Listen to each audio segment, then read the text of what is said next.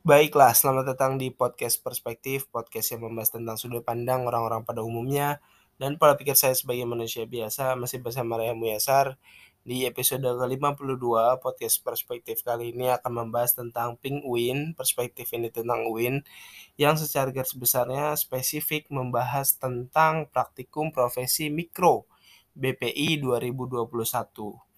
Uh, pertama gue buat podcast ini karena pengen cerita keseluruhan rangkaian praktikum profesi mikro BPI 2021 uh, yang gue alami sendiri.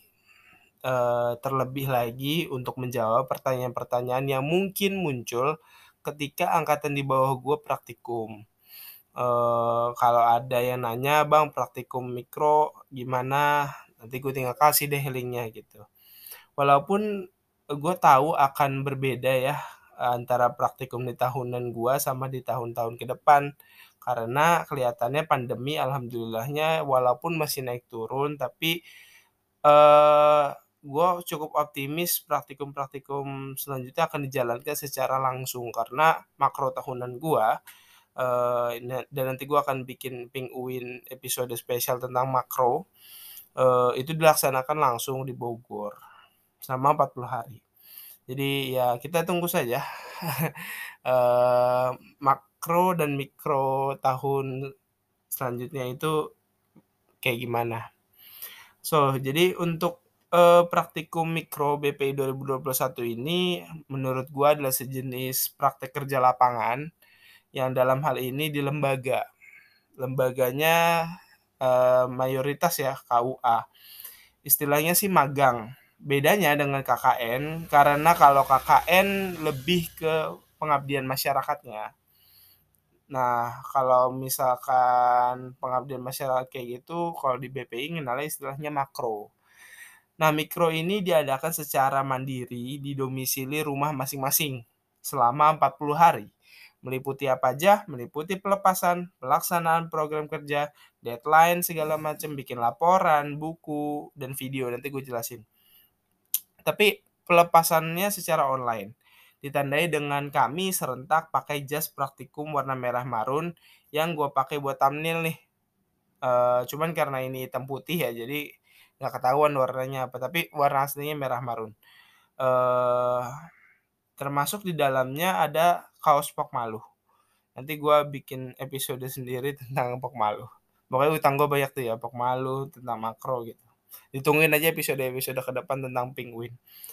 Uh, setelah itu ketua eh setelah itu uh, tapi sebelum itu kita sebelum pelepasan kita tuh angkatan 2018 itu ngadain rapat uh, untuk mem memilih ketua pelaksana praktikum mikro. Alhamdulillah ketuanya kalau nggak salah kepilihnya Aceh kalau nggak salah ya uh, setelah baru ada ketua, terus ketua terpilih dan BPH audiensi ke dosen pengampu praktikumnya membahas banyak hal mulai dari mungkin kelompok, konsep. Nah, konsepnya sendiri diambil pada saat gue ya e, mikronya itu jarak jauh. Jarak jauh itu berarti kita e, dibagi satu kelompok ada beberapa orang. Kalau di kelompokan gue ada delapan. Kebetulan laki sendiri uh, gue di kelompok itu satu angkatan itu kan gue kalau nggak salah ada 93 orang. Dibagi 10 kelompok. 10 kelompok ini jadi berarti kalau dibagi-bagi ada yang 8 ada yang 9 lah ya.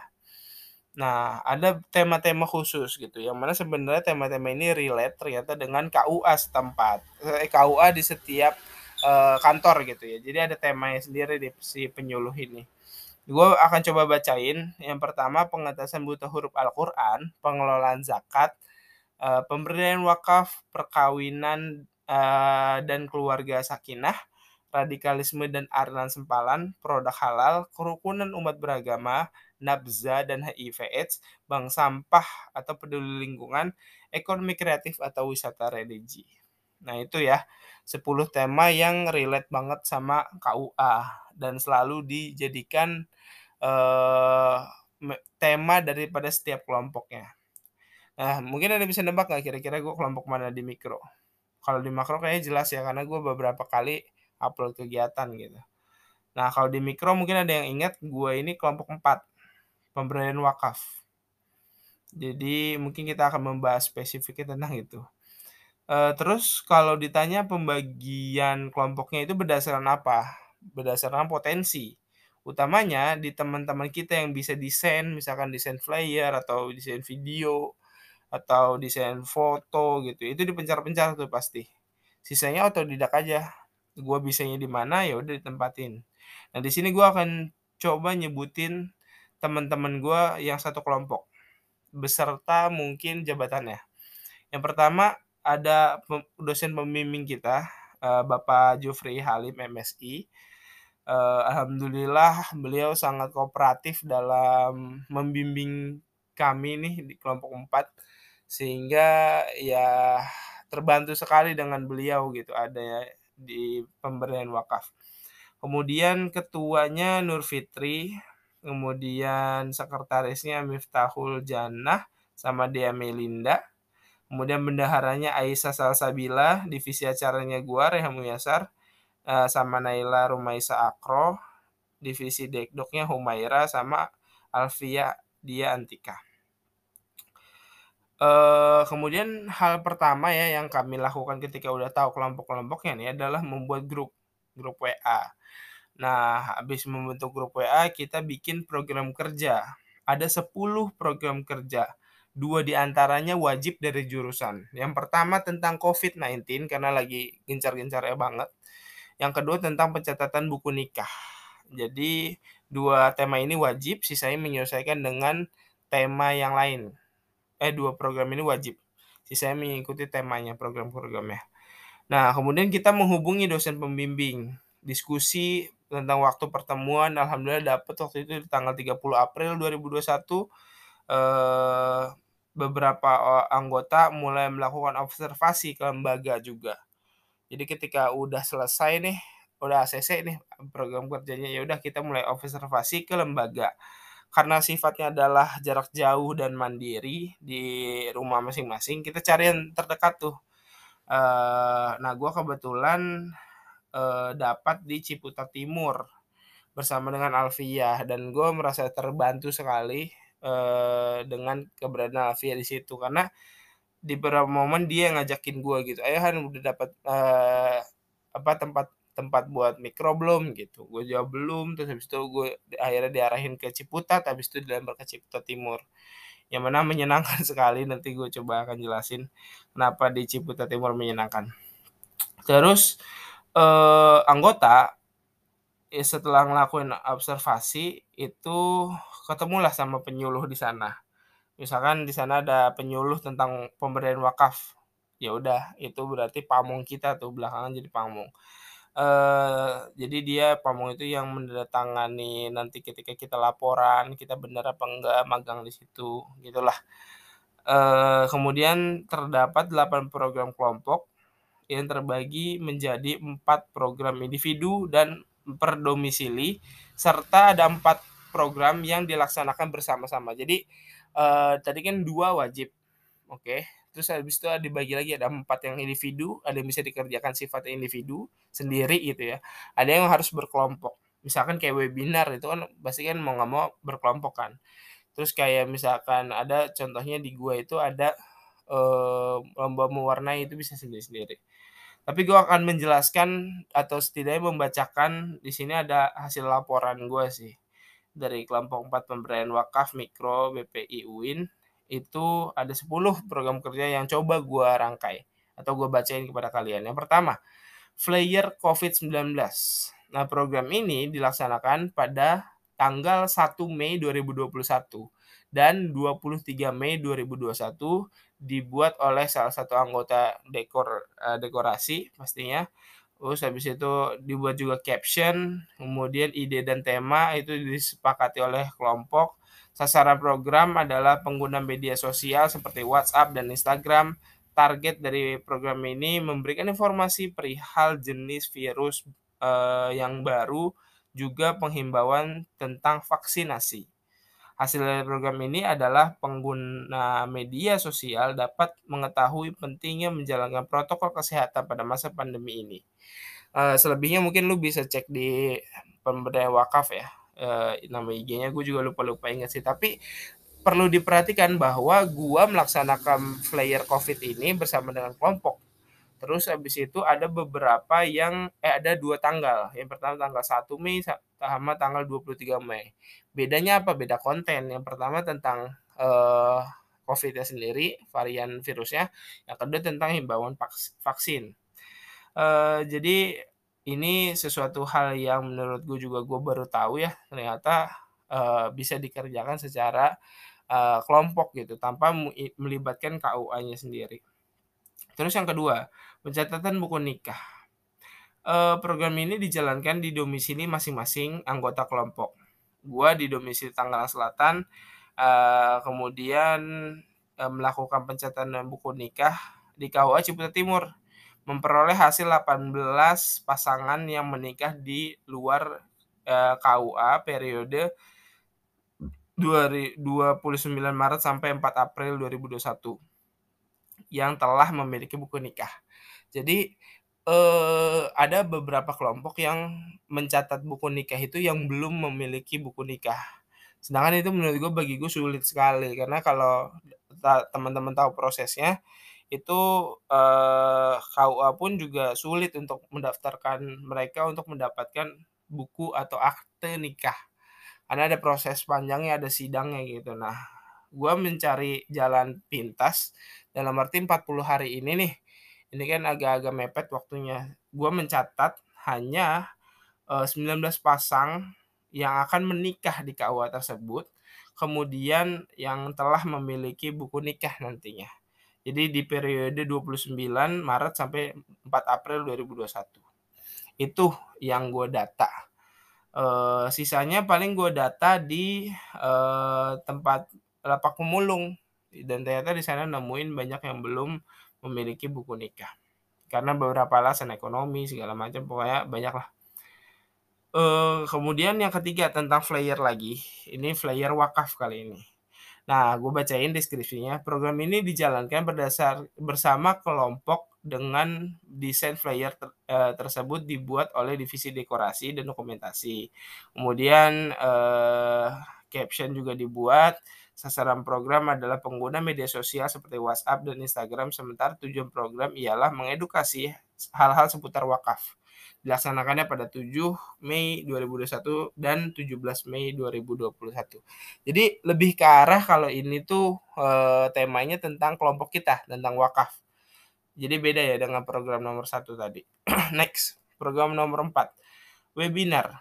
Webinar e, ini merupakan e, program yang dilaksanakan pada tanggal 22 Mei 2021, temanya tentang wakaf dan kesejahteraan sosial dilangsungkan pada pukul 13 sampai 15 WIB uh, mengundang narasumber Bapak Nur S. Bukhari, dosen perbankan syariah STEI SEBI CB Depok dan anggota Badan Wakaf Indonesia 2021 sampai 2024. Gokil juga nih Bapak sampai ta tahun aja masih 2022 ya dia masih ngejabat berarti serta Bapak Muhammad Zain dosen fikih Ziswaf Win Syarif Hidayatullah Jakarta dan Ketua Umum Laboratorium Amil Zakat Infak Sodakoh MD Win Jakarta.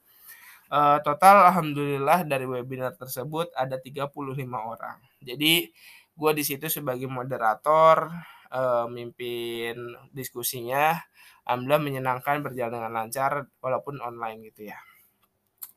Uh, next uh, program nomor 5 ini singkat tapi menurut gua cukup simple. ya karena singkat ya gimana sih? Maksudnya nggak nggak terlalu beban. Bahkan gue cenderung lupa kalau ada program ini broadcast. Jadi bentuknya uh, kayak caption gitu cuma disebar di beberapa media gitu. Jadi bukan cuma di IG di WA juga Isinya, program ini dilaksanakan pada tanggal 11 Mei 2021. Eh, berisi tentang informasi seputar wakaf, mulai dari pengertian, dalil, hadis, rukun wakaf, dan syariat berwakaf. Eh, syarat syariat. Eee, jadi ini lebih ke arah mungkin, eee, pembahasannya tentang seputar wakaf secara mendetail gitu, karena broadcast sifatnya bacaan, bisa untuk dibaca beda dengan flyer gitu ya, flyer kan terbatas, lebih harus banyak gambar, lebih menarik gitu, kalau ini broadcast lebih banyak lagi lah. Lanjut ke 6 ya kalau nggak salah ya, eee, ke-6 ini adalah ceramah dan kultum. Ceramah dan kultum, eee, ada jadi kita sempat ada kultum di live IG gitu, eee, tapi gue sendiri ceramah atau kultumnya itu masuk ke komunitas gue, di Lapak Pemulung Pondok Betung. Gue nyampein tentang definisi wakaf, bentuk sederhananya, eee, wakaf seperti apa, hadis dan juga ayat Al-Quran serta dalil. Eee, jadi kalau kultum ini ya ada beberapa yang di IG, online gitu, ada yang secara langsung. Kalau gue sambil menyelam minum air, kenapa? Di lom di, eee, apa namanya, program selanjutnya, program ke-7, 7 ya ini ya, eee, lomba poster. Gue buat lomba poster. Nah program pos eee, program ini dilaksa dilaksanakan di domisili masing-masing. Gua di waktu yang sama tuh, ketika live IG tanggal berapa berarti? Eh ketika live IG, ketika kultum. Jadi, eee, habis gua kultum, terus habis itu lomba mewarnai. Eee, nggak banyak emang sasaran gue, cuman 10 anak, karena anggarannya terbatas untuk mengadakan lomba, karena anggaran pribadi. Eee, peserta didik, eee di gue berarti ngejalaninnya kalau nggak salah waktu itu tanggal 24 Mei 2021, eee, jamnya sore, 2.30 sampai jam 4-an gitu. Next, podcast. Eee, gue ngisi di episode ke-4, coba cari aja di Spotify itu Penyuap, Penyuluh Agama Podcast kalau nggak salah, itu nama penyuap, aduh bagus banget, pengen gue ambil rasanya. Eee, tapi gue ngisi di episode 4, isinya host-nya gue, sebagai sebagai host gue tuh, terus habis itu ada Windy Atika, teman gue sendiri nih mah jadi narasumber, eee, karena dia kerja di Inisiatif Zakat Indoneswa Indoneswa Inisiatif Zakat Indones Indonesia, eee, walaupun di IZI itu ada bagiannya lagi tentang wakaf, tapi menurut gue dia cukup relevan untuk ditanyain gitu, plus ya udah ngatur jadwalnya gampang. Eee, tanggal 1 Mei 2021 gue ngerasainnya pas dia lagi libur, tanggal merah, hari buruh ya 1 Mei itu, eee, jamnya jam 2 siang, eee, kemudian isinya tentang penerapan pemberdayaan wakaf. Eee, kemudian gue dipublikasikannya itu melalui media Spotify dan Anchor pada tanggal 29 Mei 2021. Sasaran program ini adalah pengguna media sosial dan pendengar Anchor dan Spotify, dan target semakin banyak yang memahami dan tidak salah lagi dengan wakaf. Itu deh.